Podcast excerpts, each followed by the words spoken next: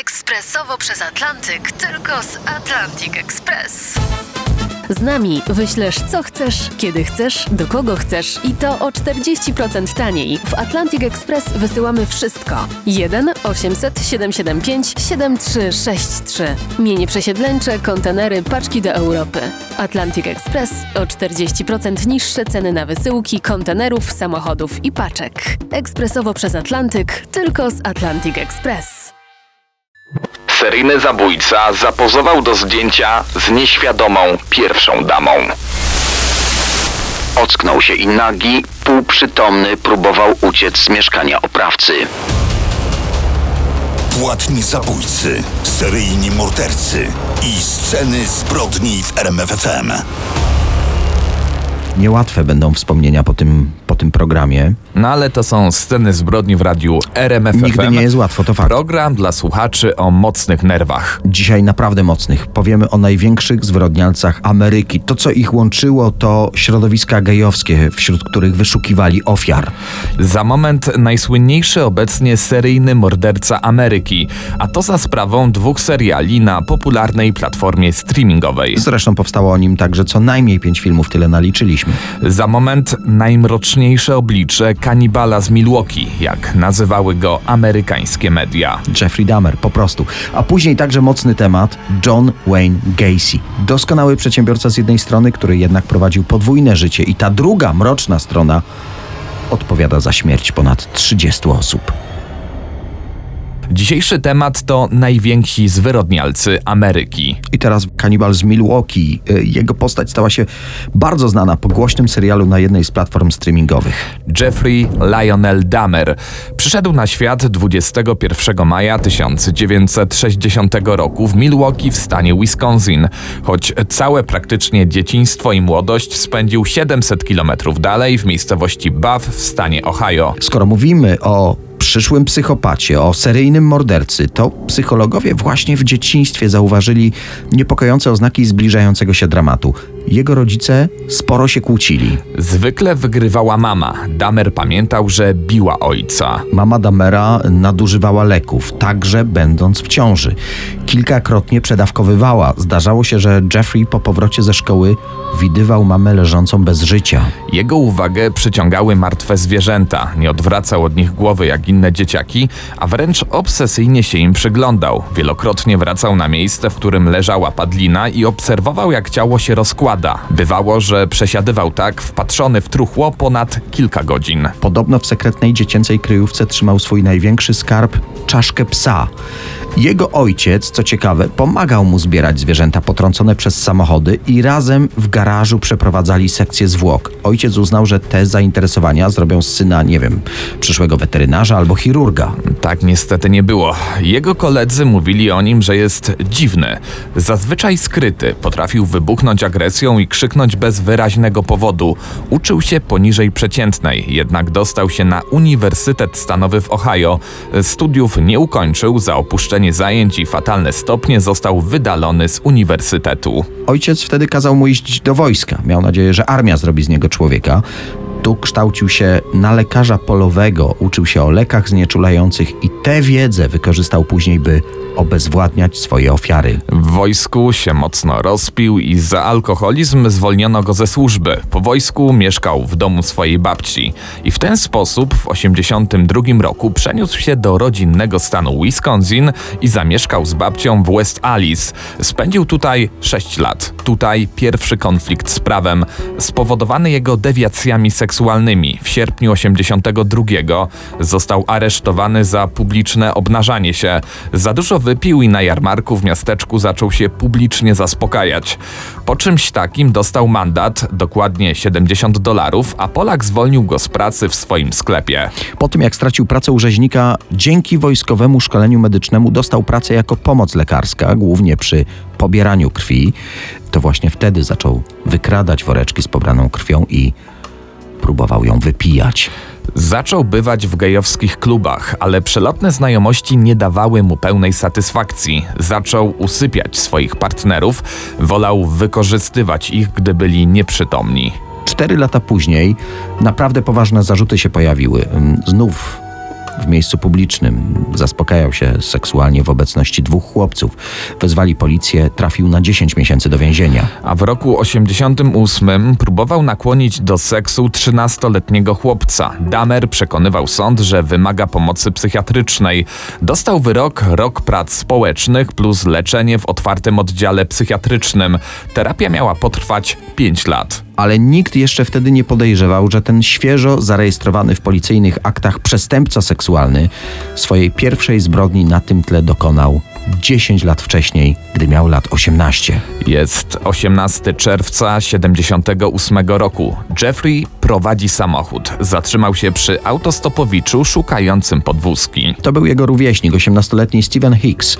Wybierał się na koncert. Ucieszył się, gdy Jeffrey zaproponował, że chętnie go na ten koncert zawiezie. Do koncertu było trochę czasu, więc Jeffrey zaprosił go do swojego pokoju w domu rodziców.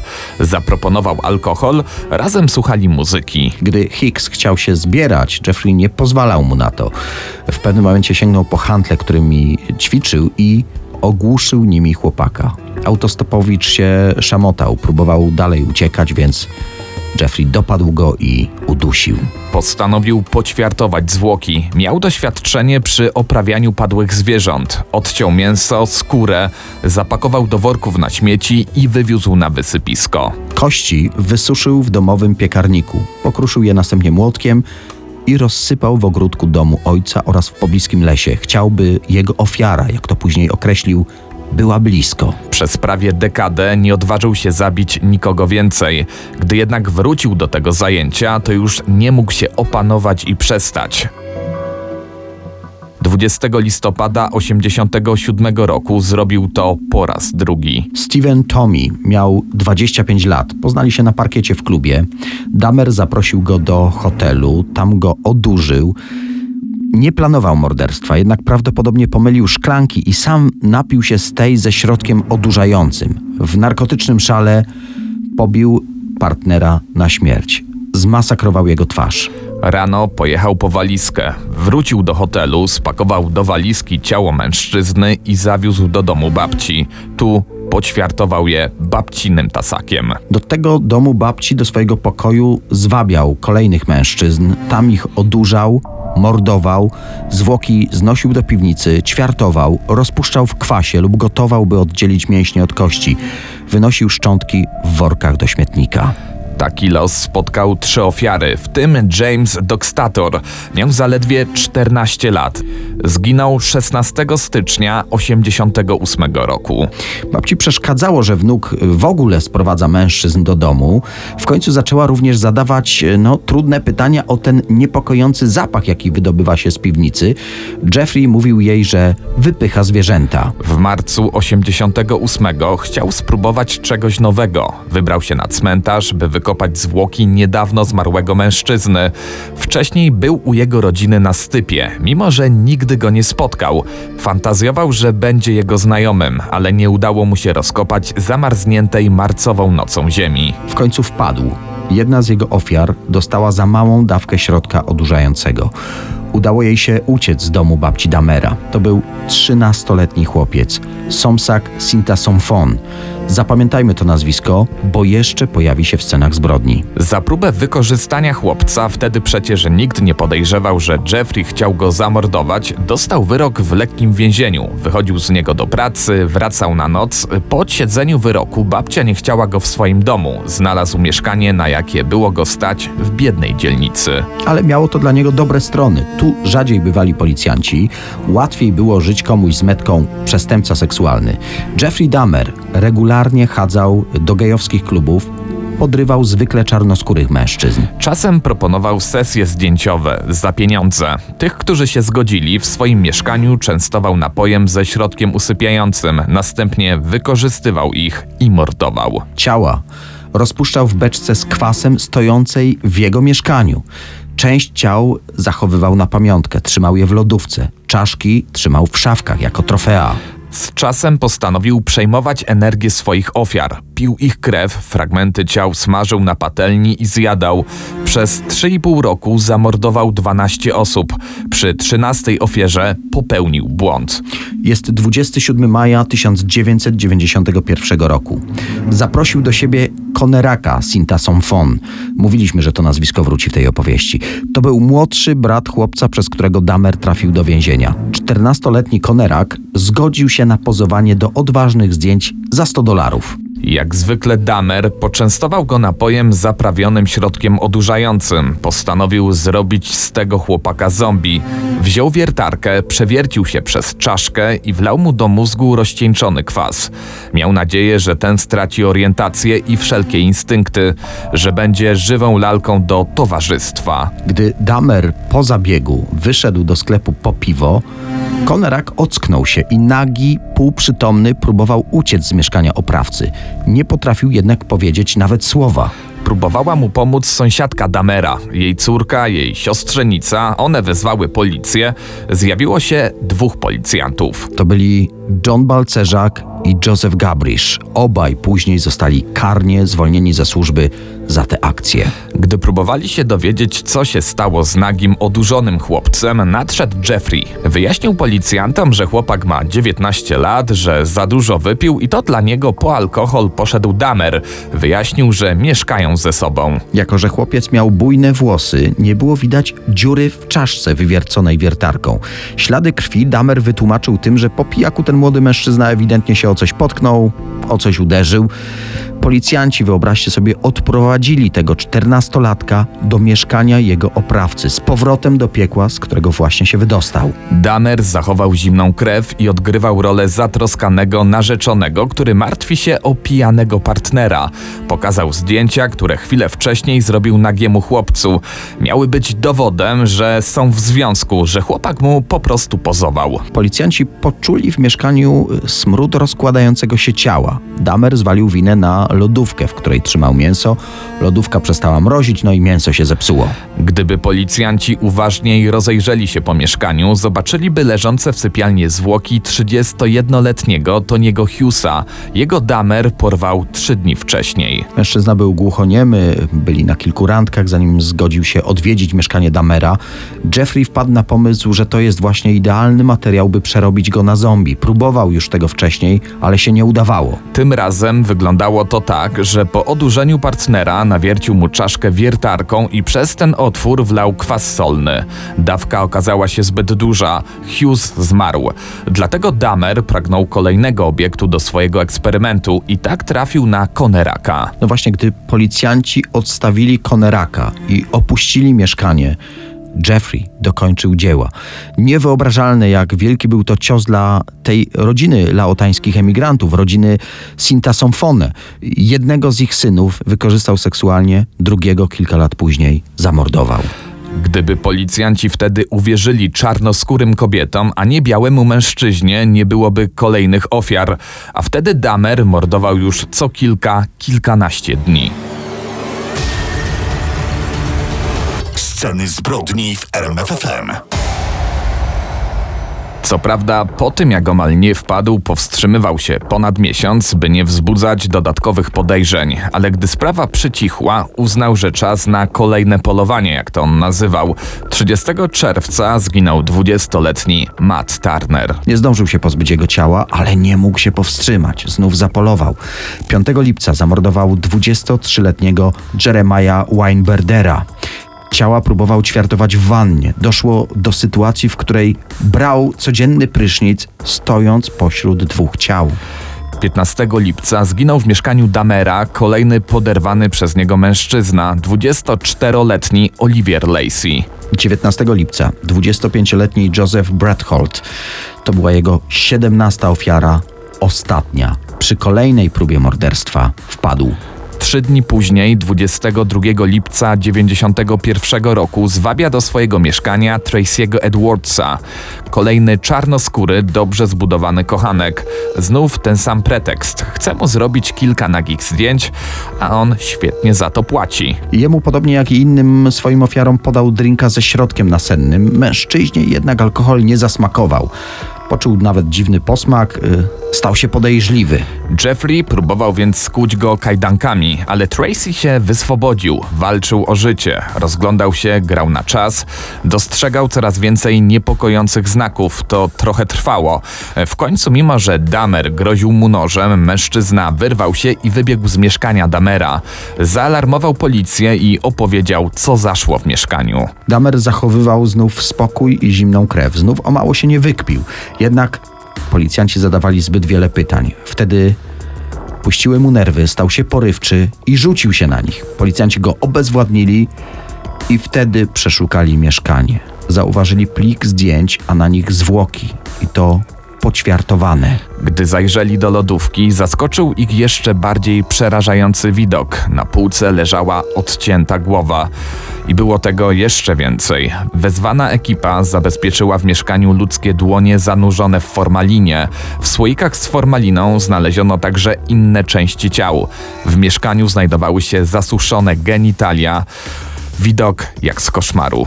W sypialni stała duża plastikowa beczka, jak się okazało, wypełniona kwasem. Zawierała szczątki trzech różnych, nie do końca rozpuszczonych ciał. W szafkach na półkach znaleziono w sumie 11 czaszek. Część była pomalowana sprayem na szaro, także wyglądały jak plastikowe rzeźby. Trafiono na trzy ludzkie szkielety pozbawione głów. Jeffrey przyznał się do 17 morderstw. Ze szczegółami opowiedział śledczym o każdej zbrodni. Ostatecznie oskarżono go o 15 zabójstw. Proces ruszył w styczniu 1992 roku. Obrońcy wnioskowali o uznanie za niepoczytalnego. Biegli jednak odrzucili tę teorię. Był poczytalny przy każdym morderstwie. Skazano go na 15 wyroków dożywotniego więzienia, sumując 937 lat za kratami. Spędził w więzieniu jednak jedynie 3 lata. Tak, gdy wśród więźniów rozeszło się, jaki zwyrodnialec z nimi przebywa, znalazł się taki, który postanowił wziąć sprawy w swoje ręce. Jest 28 listopada 94 roku. Jeffrey Dahmer wraz ze współwięźniami Christopherem Scarverem i Jessem Andersonem sprzątał łazienki w więziennej siłowni. Nadzorujący ich strażnik gdzieś zniknął na moment. Scarver czekał na taką okazję. Najpierw ogłuszył Andersona, a następnie ciężarkiem z siłowni zmasakrował Damera. Gdy strażnik wrócił, Jeffrey jeszcze żył. Przewieziono go karetką do szpitala. Nie dotarł tam jednak żywy. Zmarł w wyniku uszkodzenia mózgu. Śledczy uznają to za pewnego rodzaju symbolikę. Swoją pierwszą ofiarę Damer zabił handlami i sam od handli zginął. Dzisiejszy odcinek należy do tych absolutnie najtrudniejszych w historii scen zbrodni. No właśnie, w scenach zbrodni niejednokrotnie poruszaliśmy temat seryjnych morderców. Zresztą przed chwilą mówiliśmy o kanibalu z Milwaukee. No to za chwilę nie będzie lżej. Zabójca, który mordował bezpośrednio przed nim. John Wayne Gacy ostatnią zbrodnię popełnił w 78, czyli roku pierwszego zabójstwa Damera. Za chwilę historia jednego z najbardziej nietypowych zabójców w dziejach. John Wayne Gacy, jeden z najokrutniejszych zabójców w historii, antybohater wielu filmów i seriali. Powszechnie kojarzony jako postać klauna, który w tym przebraniu występował na różnych imprezach charytatywnych. Gacy był również dobrze prosperującym przedsiębiorcą, politykiem ze sporymi znajomościami i szanowanym przedstawicielem lokalnej społeczności, co sprawiło, że ten bardzo zaradny człowiek został brutalnym mordercą. Postaramy się to dzisiaj dla Was przeanalizować. John Wayne Gacy urodził się w marcu 1942 roku w katolickiej rodzinie polsko-duńskiego pochodzenia. Jego dziadkowie ze strony ojca mieszkali na ziemiach polskich, wtedy pod zaborem pruskim, i nazywali się Gaca. Mały John dobrze dogadywał się ze swoimi dwiema siostrami i z mamą. Sytuacja wyglądała zupełnie inaczej w przypadku ojca, alkoholika, który znęcał się nad rodziną i swojego syna poniżał, bił go skórzanym pasem. Jako dziecko padł też ofiarą molestowania ze strony znajomego ojca. Wydarzenia w domu miały prawdopodobnie przełożenie na jego zdrowie. Chłopiec cierpiał na chorobę serca, zdarzały mu się omdlenia. Z tego powodu nie mógł uprawiać sportu tak jak jego rówieśnicy. W jego mózgu zlokalizowano również krwiaka, który powstał od uderzenia huśtawką. W końcu jako osiemnastolatek John Gacy zaangażował się w politykę. W lokalnych wyborach wspierał kandydata Partii Demokratycznej. Po kolejnej kłótni z ojcem, tym razem o samochód, postanowił wyjechać do Las Vegas. Najpierw pracował w pogotowiu, później przeniesiono go do kostnicy. Pomagał przy balsamowaniu ciał przygotowywanych do pochówku. Warto dodać, że John miał pokój obok kostnicy. No i tutaj taki moment zwrotny w jego życiu. Pewnego wieczoru, pod wpływem jakiejś dziwnej fantazji, postanowił wejść do trumny ze zmarłym nastolatkiem. Ale wtedy przestraszył się swojego własnego zachowania. Postanowił odciąć się od Las Vegas i wrócić do Chicago. Później ukończył college, został kierownikiem w firmie odzieżowej, miał wybitny talent do sprzedaży, poznał swoją przyszłą żonę Merlin Meyers i piął się po szczeblach kariery w szkole liderów organizacji non-profit o nazwie JCS. We wrześniu 64 roku pobrał się z panią Meyers, następnie na świecie pojawiła się dwójka dzieci, początkowo był wzorowym ojcem i mężem. Właśnie, jego majętny teść zakupił trzy restauracje sieci KFC w Waterloo w stanie Iowa. Gacy sprawnie zarządzał lokalami i otrzymywał za to bardzo sowitą wypłatę. Nawet ojciec, który początkowo bardzo nim gardził, widząc jak doskonale sobie radzi, przeprosił go za swoje zachowanie. Niestety, mieszkając w Waterloo, rozpoczęły się też bardzo niepokojące zachowania mężczyzny. Do garażu swojego domu zapraszał młodych chłopaków pracujących w restauracjach, którymi zarządzał.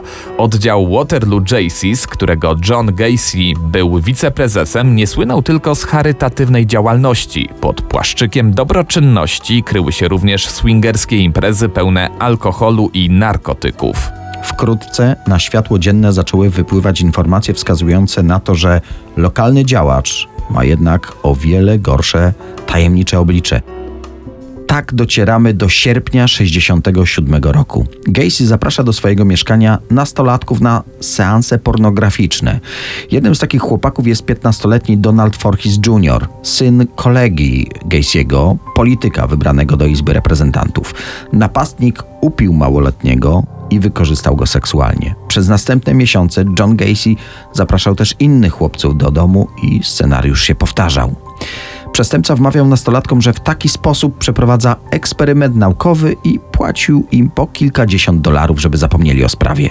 Donald Voorhees Jr. opowiedział w końcu swojemu ojcu o koszmarze, który przeżył. Sprawę zgłoszono na policję, oskarżony wszystkiemu zaprzeczył, twierdził, że to polityczna prowokacja, w co uwierzyło wielu jego znajomych.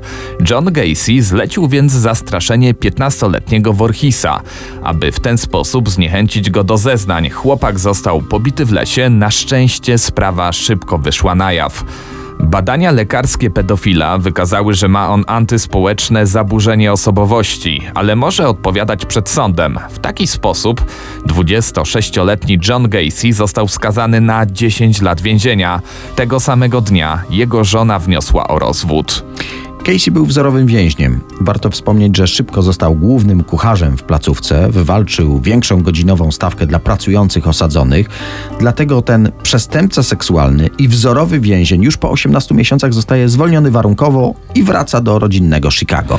Dzięki pomocy finansowej swojej mamy zakupił posiadłość na obrzeżach Chicago. Adres 8213 West Summerdale Avenue stał się wkrótce miejscem dramatu kilkudziesięciu ofiar. Mężczyzna nadal był bardzo aktywną częścią lokalnej społeczności. Organizował imprezy okolicznościowe, na której bywali politycy, odśnieżał za darmo chodniki, pożyczał narzędzia, no po prostu wzorowy sąsiad. W 1975 roku ponownie się ożenił. Związek jednak nie przetrwał zbyt długo. Sąsiedzi odwiedzający tę parę skarżyli się na dziwny zapach padliny wydobywający się z piwnicy. Gospodarz domu przekonywał, że to przez problemy z kanalizacją. Coraz więcej też plotkowano o jego skłonnościach seksualnych. To zatrzymało po części jego karierę polityczną. Partnerka przestępcy widziała, jak mąż przyprowadza do swojego garażu różnych młodych chłopaków, a po mieszkaniu walają się magazyny pornograficzne, dokumenty i rzeczy różnych osób. Jak już wiemy, Gacy był specjalistą w wielu zawodach, więc czas na kolejne. Bardzo dobrze rozwijała się jego firma budowlano-dekoratorska PDM Kontraktor. Ale to nie była taka e, drobna firma polskiej złotej rączki. No zdecydowanie nie. To przedsiębiorstwo osiągało roczny dochód na poziomie 200 tysięcy dolarów. Przekładając to na dzisiejsze realia, daje nam kilka milionów dolarów. Aby obniżyć koszty firmy, mężczyzna zatrudniał głównie młodych chłopaków w wieku licealnym. W 1975 roku Gacy dołączył do klubu klaunów i tam wykreował dwie słynne później postacie Pogo i Patches. W przebraniu angażował się w różne działania charytatywne.